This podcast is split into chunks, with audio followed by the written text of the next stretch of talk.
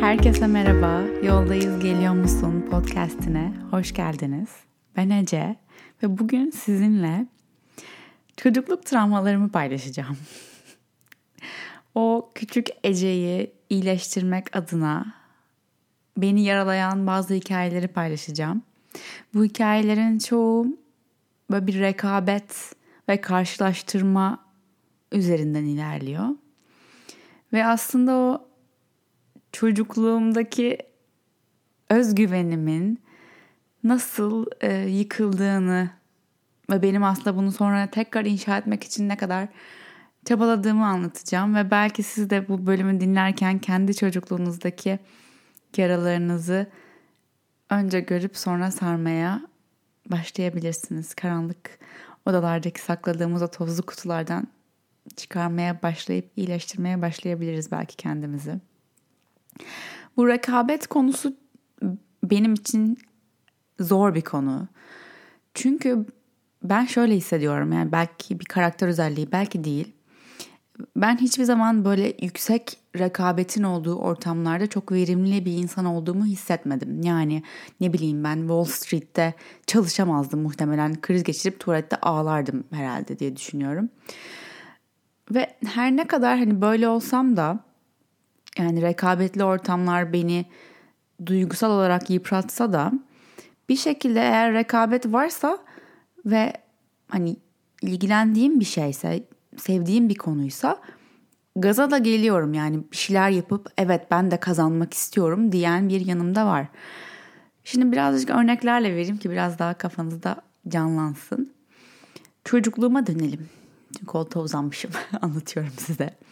Çocukluğumda ben ilkokulda çok fazla rekabetin olduğu bir özel okulda okudum. Yani bu özel okuldaki e, çocukların çoğunun anne babası çocuktan çok anne babaların rekabetiydi aslında ve çocukları sanki at yarıştırır gibi yarıştırdıkları bir okuldu. Ben birinci sınıftan yedinci sınıfa kadar bu okulda okudum. Okulun adı SEV'di. Hala var sanırım. SEV. Sağlık Eğitim Vakfı İlköğretim Okulu. Üsküdar Amerika'nın e, dernek olarak ilkokuluydu. Aynı kampüsteydik. Herkes 8. sınıfta bir at yarışı gibi e, hazırlandırılıp o Robert'e işte Alman lisesine bilmem ne oraya buraya en iyi puanları kazanarak yine başka bir rekabet dolu okul ortamına girmeye hazırlandırılıyordu. 6. sınıfta bir kız grubumuz var. Bu kız grubunun kendi içerisindeki rekabetten söz etmeyeceğim. E, fakat bu kız grubumuz e, kendi aramızda da ilk defa hani böyle şeyleri konuşmaya başlamışız regl olmak, erkeklere ilgi duymak, sütyen takmak falan. Bunların böyle konumuz olmaya başladığı Hey Girl diye bir dergi vardı. Onu okumaya başladığımız zamanlar falan. Ben de şimdi nereden gireceğiz konuya çok alakası diyeceksiniz ama ben de saçlarımdan nefret ederdim ilkokuldayken. Çünkü o zamanlar düzleştirici falan yok. Ee, hani saçlarımı şey, nasıl şekillendireceğim hakkında hiçbir fikrim yok. Şu anki araçlar, ürünler o zaman belki var belki benim haberim yok ama yok benim hayatımda öyle şeyler. Dolayısıyla saçım her yıkadığım zaman inanılmaz bir kabarık topçuğa dönüşüyor. Bir de böyle kıvırcık falan da değil saçım böyle düzle dalgalı arası bir şey olduğu için saçma bir kabarıklığa dönüşüyor yani. Ve kulağımın arkasına alınca kulaklarımı kepçe yapacak. Hatta kulaklarımın arkasına alıp kulaklarımın önüne kadar düşecek kadar çok fazla saçım var ve çok gür saçım var. Ee, bundan çok rahatsız oluyorum. Dolayısıyla bir tane saç modelim var. Sürekli böyle saçlarımı e, yarı yarım topluyorum. Hani öndeki tutamları alıp arkada başımın arkasına bir tuta, tokayla tutturuyorum gibi düşünün.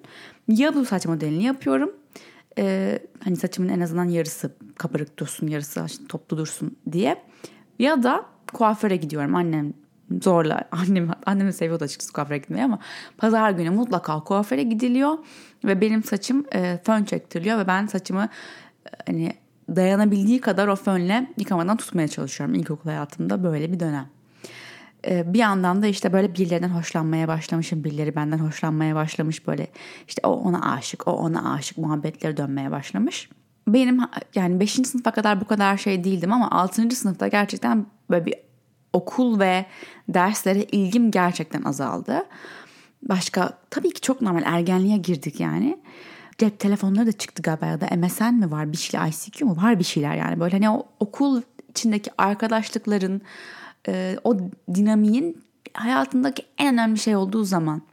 Dolayısıyla benim de derslerim düşmeye başladı. Fakat okul yani bence şu an geriye dönüp bakıyorum o yaştaki bir çocuktan bence istenmemesi gereken bir performans ve zaman isteniyor ve yani bence umarım ben hani bu farkındalıkla çocuğuma farklı bir eğitim verme imkanım olur diye umuyorum. Hani matematik, İngilizce matematik, Türkçe matematik, İngilizce dersinin öylesi böyle tamam belki çok iyi bir İngilizce eğitimi aldım ve şanslıyım bunun için. Gerçekten hani minnetle doluyum ailem bana onlar da bildikleri en iyi okul neyse ona göndermeye çalışmışlar ellerinden gelen. Fakat içerideki o kültür çok kötüydü. Ve ben 6. sınıfta işte böyle olmaya başladıktan sonra her şey ilgim değişti. Derslerim, ders notlarım epey düşmeye başladı. Veli toplantısı olurdu. Ve veli toplantısına sen annenle beraber girerdin. Her hocanın olduğu sınıfa sen de annenle beraber girer karşısına otururdun. İşte hocan öğretmenin sana anlatırdı işte böyle böyle şunu düzeltmen lazım bu böyle falan filan. İşte benim de dediğim gibi derslerim düşmeye başlamış. Bir tane öğretmenim vardı. Ya bu kadar adını hala çok net hatırlıyorum. Tipini çok net hatırlıyorum. Her şey o kadar kazınmış ki kafama. Bu kadın ilk okula geldiği zaman bütün kızlar çok hayran oldular bu öğretmene. Ben ise bu hocadan yani öğretmen hoca zorlanıyorum o ikisinin arasında öğretmen demeye. Hoca demeye o kadar alışmışız ki. Hoca camide derlerdi bir de. Neyse. Ee, o geldiği zaman tüm kızlar ona hayran oldu. Çok sevdiler. Ay canım hocam e, sizi çok seviyorum. En iyi sizsiniz. En iyi hoca sizsiniz bilmem ne falan. Fakat benim hissettiğim şey bu kadının bana bir garezi var gibi. Sevmiyor beni gibi. Belki de hakikaten öyleydi. Bilmiyorum kadında kadın bende ne görüyordu da gerçekten 12 yaşında bir çocuk bilmiyorum. Belki de bir şey yoktu. Belki ben öyle algılıyordum, algılıyordum sadece ama zannetmiyorum. Beni sevmiyordu. Ben de beni sevmesini o kadar istiyorum ki.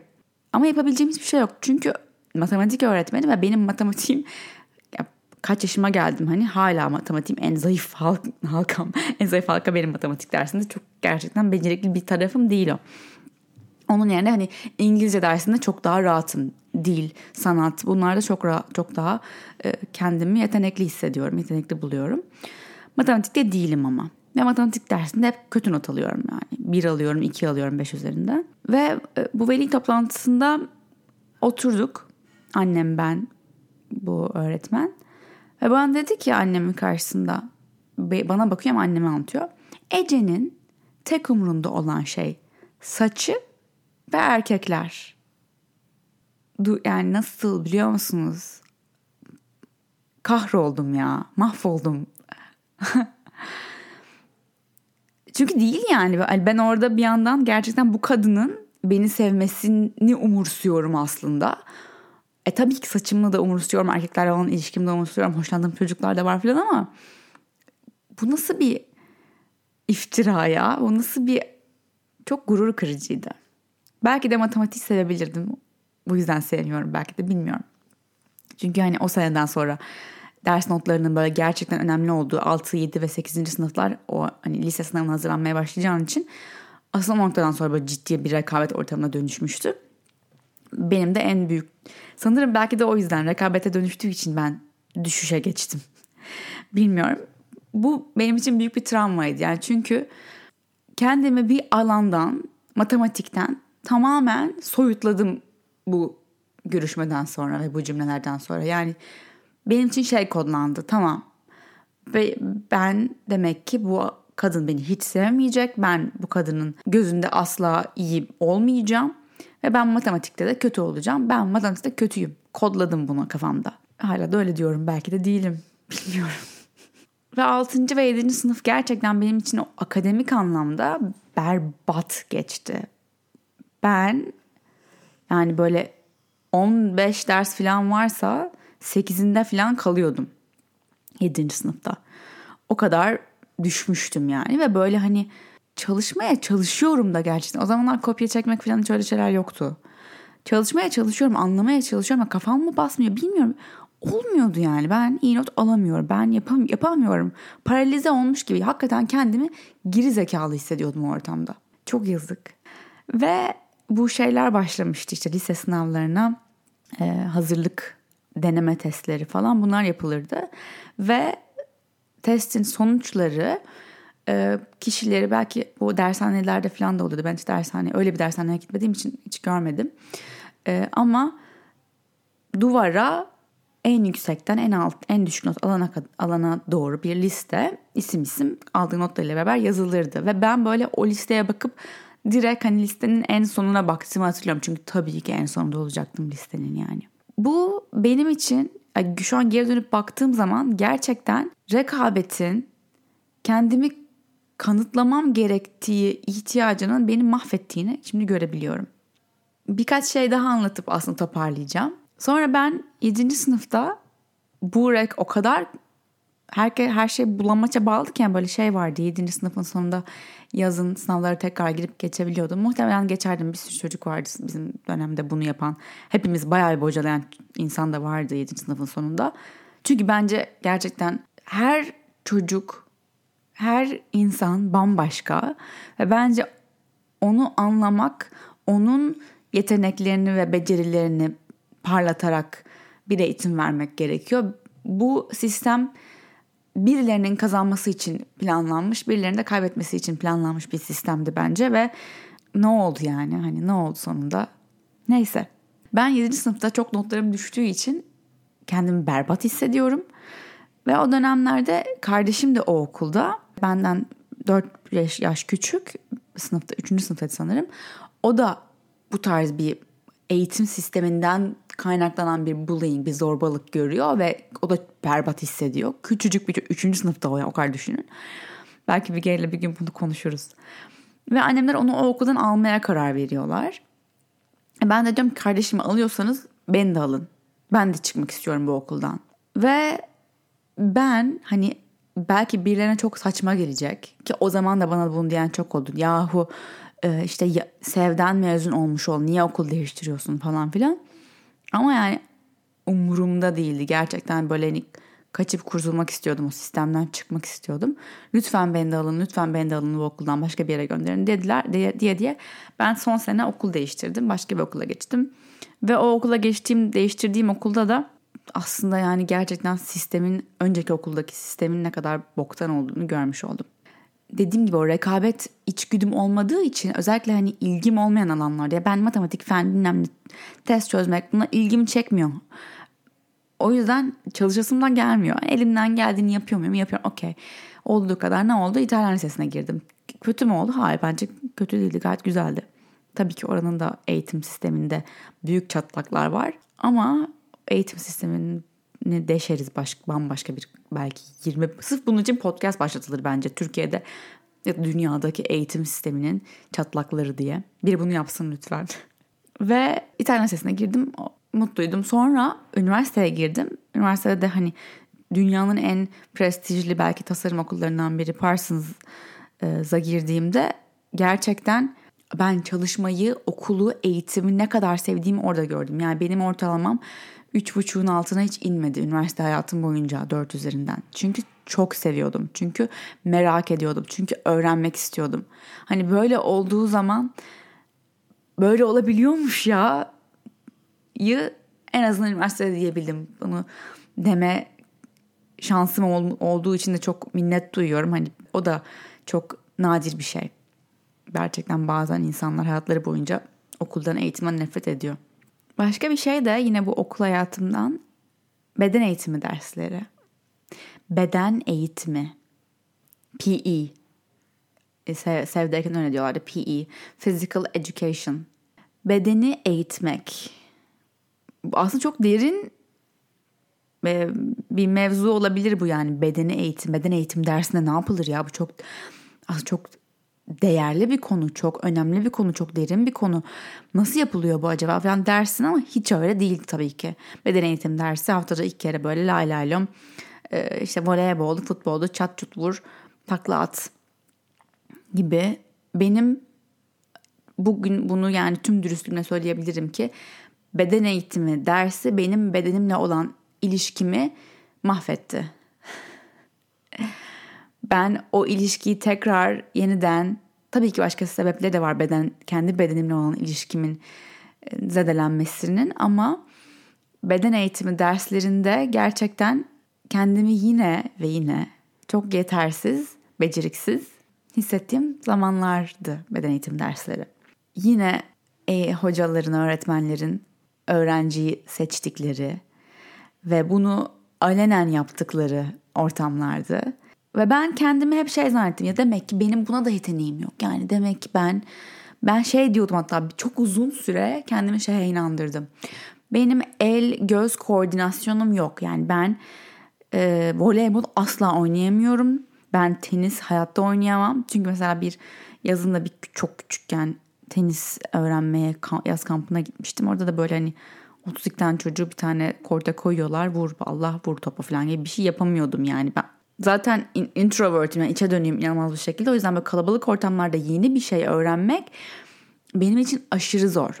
Ve yeni bir şeye başlamak zaten zor. Kimse ilk defa bir şey yaptığında onu 100 yıldır yapıyormuş gibi yapmıyor. Hani öyleyse gerçekten Allah'tan bir vergisi vardır ya inanılmaz bir yeteneği vardır da oluyordur ne bileyim piyanoyu görür görmez takır tukur çalmaya başlayan çocuklar falan vardır belki ama çoğunluk büyük çaba sarf ederek emek sarf ederek deneyerek pratik yaparak bir yere gelebiliyor ve ben benim için bunu benim herkesin benim seviyemde olmadığı ve benim birazcık daha yeni olduğum bir ortamda ve kalabalık bir ortamda yeni bir şey öğrenmem felaket tarifi gibi bir şey. Mümkün değil benim için olmuyordu. Ve ben kendimi yine orada şey diye kodladım. Benim el ve göz koordinasyonum yok. Ben böyle sporları yapamıyorum. Mümkün değil. Üzerinden yıllar yıllar yıllar yıllar geçti. Ben bu yaz pandemi 2020 yazı 2020 mi diyor? Evet. 2020 yazında annem bu arada yani hani biz üniversiteye gittik falan ondan sonra hayatında ilk defa tenis oynamaya başladı. Şu an deli gibi tenis oynuyor. Annem bir gün kortta o, e, tenis oynuyor. Ben de onu izlemeye gelmişim ve işte çok yoruldum falan dedi annem. Hadi sen dersi tamam sen tamamla daha da vaktimiz de var hani bir 15 dakikam var ders bitmesine ben çok yoruldum. Hadi sen oyna biraz. Ben de hayır oynayamam. Hani bir kere hani öyle raketini eline aldın oynamaya başladın gibi bir şey yok. Öncelikle bayağı topa vurmayı, topun nasıl sektiğini, raketi nasıl tutman gerektiğini falan bir sürü şey öğrenmen gerekiyor. Dolayısıyla hani hadi gel bir el tenis oynayalım bakalım vuralım şuna gibi bir şey değil. Ve ben böyle hani kendime kodladığım için ben tenis oynayamıyorum. Benim el göz koordinasyonum yok diye kodladığım için ben oynayamam, oynayamam, oynayamam dedim. Fakat e, çok da tatlı bir hocamız var. Onunla beraber biz oynamaya başladık ve ben bütün yazı hani tenis dersi alarak geçirdim. Yaz dediğim bütün yaz değil. Yazın sonu başladığım için biraz son dakika oldu. Hep şey diyor bana keşke daha yazın başına başlasaymışsın çünkü tenis sezonu bitiyor havalar soğuduktan sonra zor kapalı kort bulman gerekiyor da oydu buydu bilmem ne. Ben hayatım boyunca tenisten nefret eden ben ya gerçekten çocukken o yaz kampında tenis raketimi evde saklıyordum oynamamak için. O şeyde yanında oturup, oturup beklemeyi tercih ediyordum yani. Ben 28 yaşımda tenis oynamaya başladım ve tenis en sevdiğim sporlardan biri oldu. Brené Brown'un bir podcast bölümü var. Onu da aşağı linklerim eğer bakmıyorsanız her bahsettiğim şeyi çoğunlukla podcast'ın açıklamalar kutusuna bırakıyorum. Hani oradan bakabilirsiniz ne demişti o neydi dediğiniz şeyler varsa ver linkler. Orada bakabilirsiniz. Her nereden dinliyorsanız. Brené Brown'un FFT diye bir şey var. FFT yani FFT. Bu ne demek? Açılımı nedir? Fucking first time. Fucking çevirmiyorum. İlk denemeler gibi.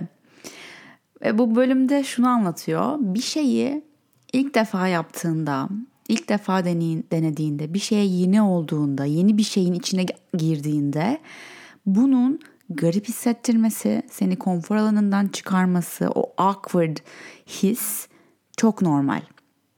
Öncelikle adını koyman gerekiyor diyor. Bu bir FFT, fucking first time. O yüzden böyle hissediyorum. Ha tamam. Yani böyle hissetmeye hakkım var. Yani tenis raketimi elime aldığım zaman kendimi gerçekten bir de yıllarca kendime benim el göz koordinasyonum yok diye kodladıktan sonra onu aldığım zaman çok garip ve rahatımın dışında hissediyorum. Tamam bu normal demem lazım önce kendime. Anksiyete hissedebilirim. Bunun daha büyük ortam yeni bir işe başladığımda emin olmadığımı hissedebilirim. Korkabilirim. Bunların adını koymak öncelikle çok önemli. Ve bence ne kadar nadir yeni bir şeylere atılıyorsan yani ne kadar senin yenilikten kaçıyorsan, değişimden kaçıyorsan buna her girdiğinde adını koymak o kadar zor oluyor. Çünkü alışık değilsin buna. Fakat bence biz insan olarak böyle büyüyoruz, böyle gelişiyoruz, böyle doyuruyoruz kendimizi.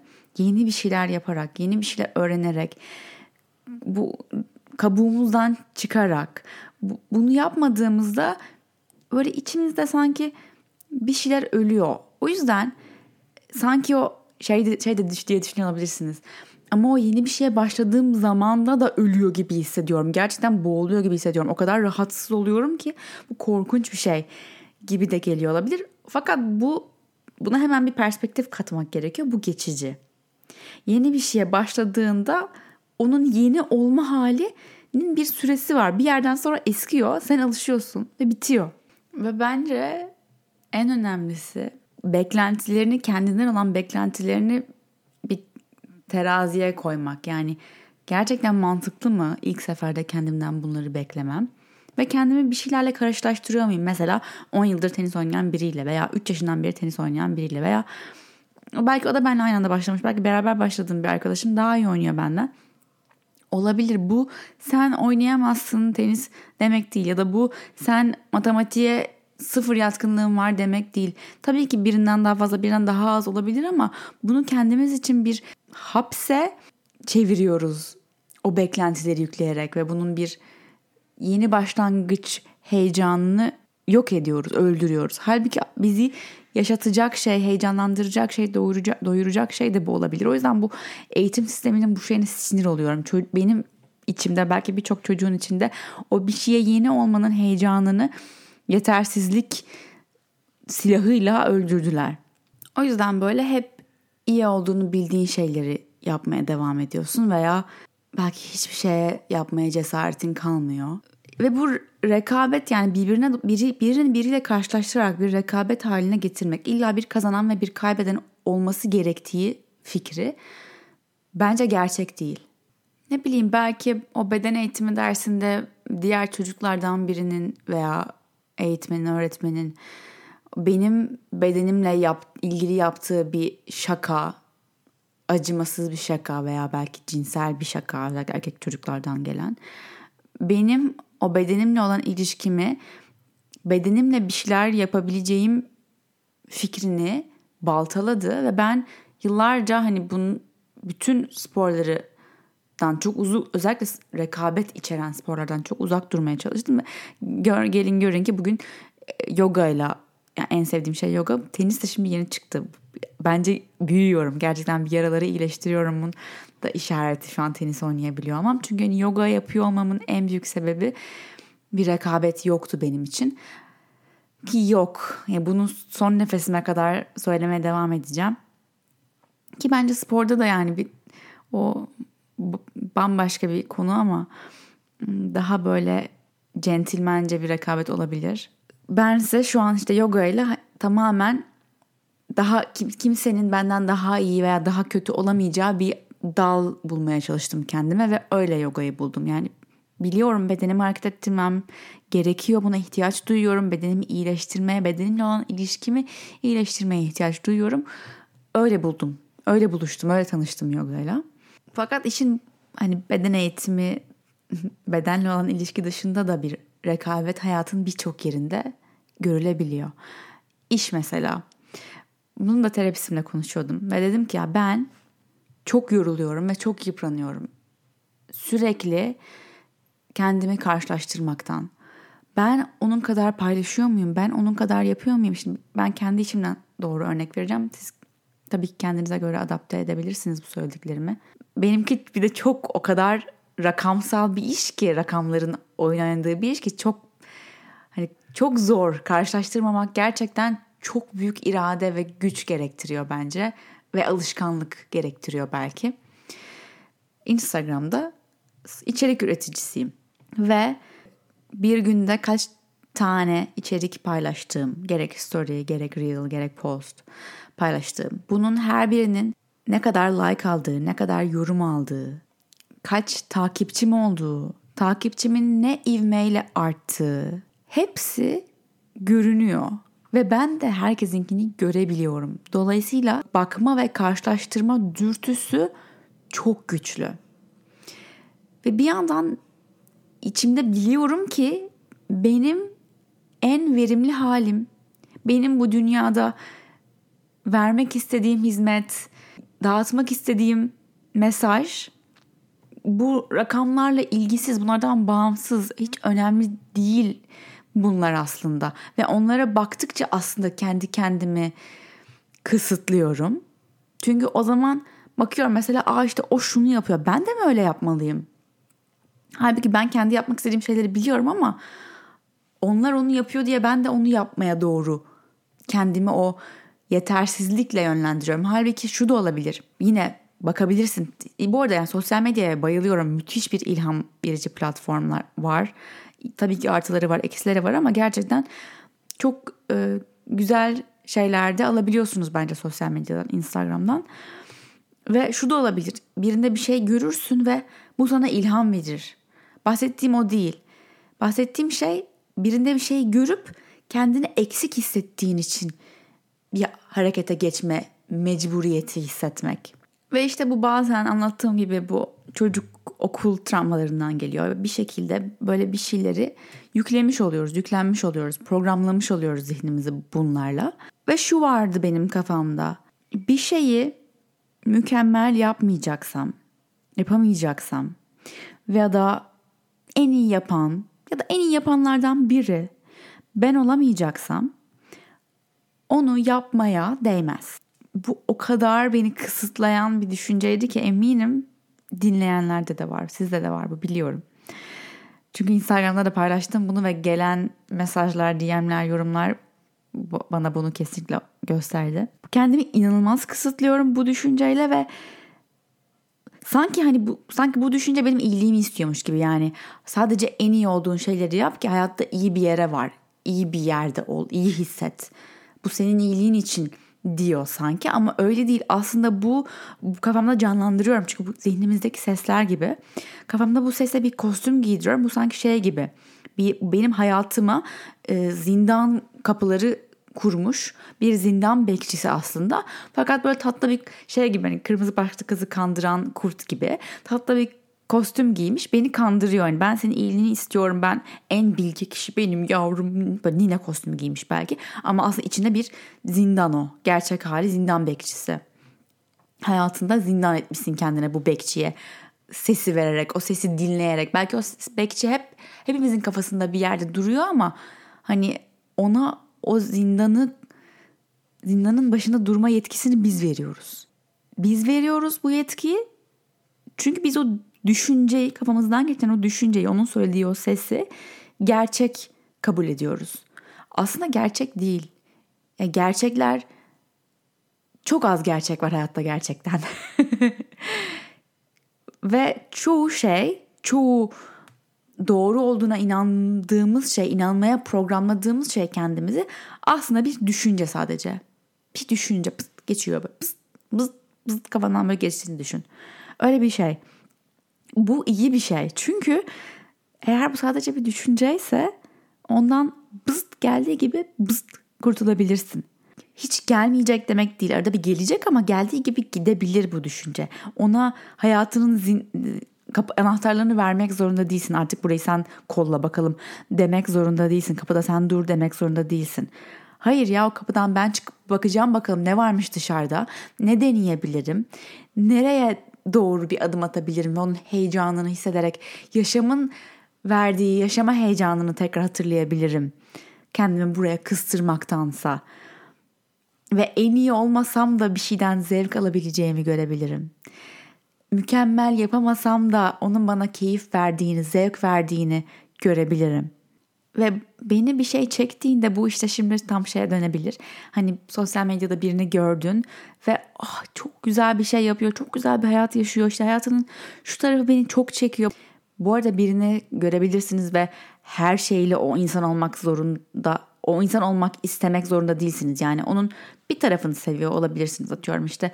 Aa, onun çalışma şeklini çok seviyorum. İş hayatını çok beni çekiyor. Ben de öyle bir iş hayatı istiyorum. Veya onun giyimi beni çok çekiyor. Kendine bakımı çok beni çekiyor. Ya da ilişkisi erkek arkadaşıyla eşiyle ilişkisi beni çok çekiyor. Onun gibi olmak istiyorum, ilham alıyorum diyebilirsiniz. Bu tarz bir çekilme gördüğünüzde onun gibi olmak isteme hali senin dinliyorsan senin içinde mevcut. Zaten bunu yapabilirsin. Oraya doğru gidebilirsin, evrilebilirsin, deneyebilirsin. O fucking first time'ı yaşayabilirsin. Ama bunun için o zindanın kapılarından, o sahte zindan bekçisinden kurtulman lazım. Bu da bir düşünce olduğu için sadece çok kolay aslında. Ve o seni çeken yere, şeye, her neyse o doğru gidebilirsin. Onu yapabilirsin. Yapmak istediğin her neyse yapmaya değerdir sadece yapmak istediğin için. Ve onu yaparken hiç kimseden daha iyi olmak zorunda değilsin. Her zaman birilerinden daha iyi, birilerinden daha kötü kendi kafandaki bu zindan bekçisinin söylemleriyle olduğunu düşünebilirsin. Bu önemli değil. Hepsiyle beraber zevk alabilirsin. Yapmak istediğin şey sadece sen yapmak istediğin için yeter. Yapmak istediğin şey sadece sen onu yapmak istediğin için yapmaya değer. Yapmaya değer. Denemeye değer. Konfor alanından çıkmaya değer. O lanet olası ilkokuldaki öğretmeninin sana söylediklerinin aksine bunları kırarak bir şeyler deneyebilirsin. Ben böyleyim, bunları becerebilirim, bunları beceremem, bunlarda yetenekliyim, bunlarda değilim. Bunlar da birer zindan bekçisi. Ne yapmak istiyorsun? Tenis oynamak mı istiyorsun? Matematikte her hayatın boyunca sınıfta kalmış olmana rağmen iş mi kurmak istiyorsun? Ne yapmak istiyorsun? Yapabilirsin. Ve kimseden daha iyi olmana, o listede nerede olduğunun bir önemi yok.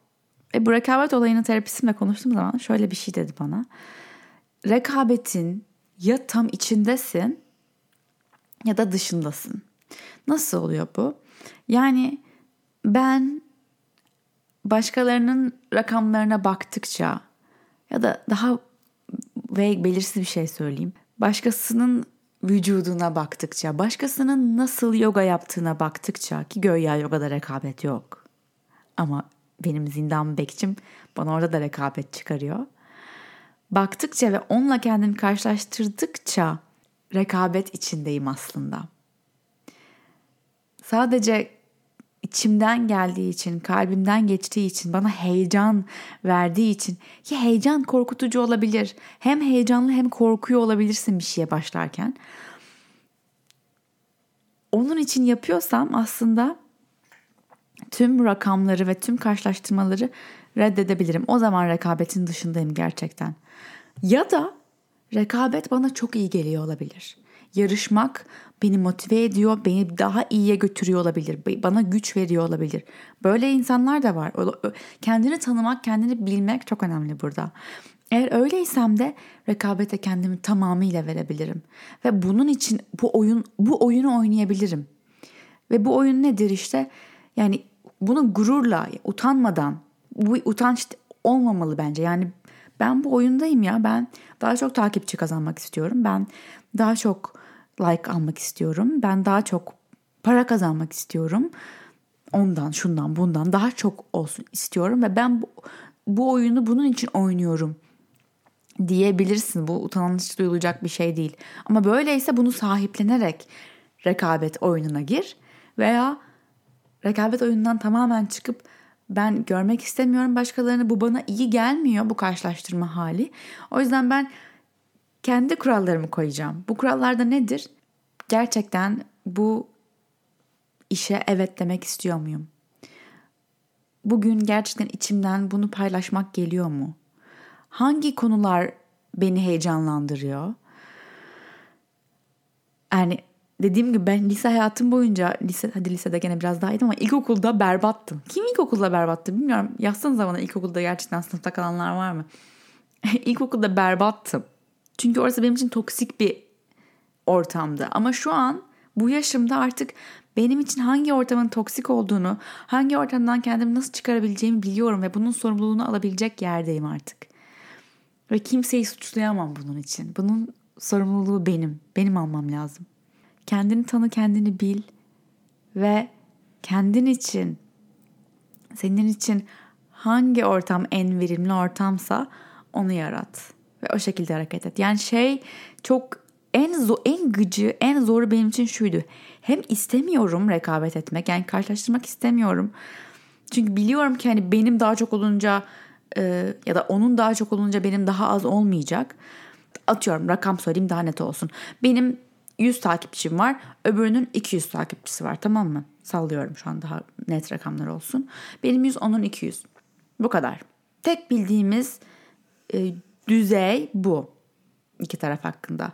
Ve ben bakıyorum diyorum ki onun 200 takipçisi var. O yüzden ben kaybettim. Ben daha eksiğim. Ben daha mutsuzum. Bu kendime bunu beni mutsuz edecek bir şeye dönüştürüyorum. Bu aslında 100 ve 200 rakamından tamamen alakasız ve bağımsız bir şey. Bunu ben yaptım kendime. O 100 ve 200'ün bir anla ona ben anlam yükledim yani. Bu anlamları yıkabilirim. Yıkabilirim, yıkabiliriz. Eğer bize iyi gelmiyorsa iyi geliyorsa tamam. Go for it. 2, 200, 300, 500 kas ve bunun için oyna bu oyunu oyna. Bu, bu sana iyi geliyor olabilir. Ama eğer bu oyunu oynamak mesela 200'e çıktım diyelim ben de. Kastım oynadım falan filan bir yandan nefret ediyorum rekabetten. Bu, daha mutlu olacak mıyım sizce 200'e ulaştığımda? Hayır muhtemelen olmayacağım. Dolayısıyla kendini bile, bilerek oyun alanını yaratabilirsin. Oyunun kurallarını belirleyebilirsin ve eğer sana iyi gelmediğine karar verdiysen rekabetin ben şu an bunu yapmaya çalışıyorum. Tamamen çık oyundan. Bakma, karşılaştırma. Her zaman elinden gelenin en iyisini yap ve bu senin yeterli kriterin olsun. Yani gün sonunda şunu sor. Elimden gelenin en iyisini yaptım mı bugün? Bugün bugünün şartlarında, hayatım bana bugünün getirdikleriyle ben elimden gelenin en iyisini sundum mu? Evet, hayır. O kadar. Ama o daha çok yapmış, o daha az yapmış. O onun 3 katını yapmış, o 8 katını yapmış. O onu yapmış ama daha çok kazanç sağlamış. Hayır, buna yani elimden geleni yaptım. Evet, hayır da kapatmak gerekiyor konuyu. Sonrası yok, bitti. Hayırsa tamam yarın o zaman elimden gelen yapmaya gayret edeceğim. Bu kadar. Son bir şeyle kapatayım bölümü. Ee, ben bisiklete binmeyi bilmiyorum. Ben bisiklete binmeyi bilmiyorum. Ben 28 yaşındayım. Çünkü çocukken bisikletten düştüm yani bisikletten düştüm derken zannedersiniz iki tekerlekli dağ bisikletinden düştüm.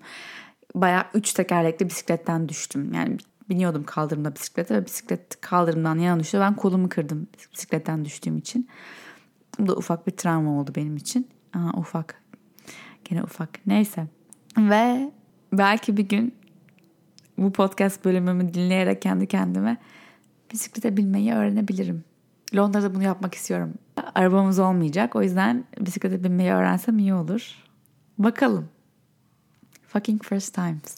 Eğer yogaya başlamak, belki rekabetsiz bir bedeninizle ilişkinizi iyileştirmek isterseniz veya meditasyon yaparak zihninizde neler geçiyor gerçekten, nasıl kodlamalar var, fark ederek bir iyileşme yolculuğuna girmek isterseniz online yoga ve meditasyon stüdyomuz Flow Studio Online'a üye olabilirsiniz. Aşağıda linki var online.flowstudio.com Beni dinlediğiniz için çok teşekkür ederim. Beni tüm sosyal medya mecralarında at Ece Targit olarak bulabilirsiniz. Eğer şu an birazcık ekstra vaktiniz varsa ve müsaitseniz, mümkünse e, Apple'da dinliyorsanız oradan e, oy verirseniz, yorum bırakırsanız, yıldız verirseniz çok sevinirim. Teşekkürler. İyi ki varsınız. Bir sonraki bölüme kadar yoldayız. Geliyor musun?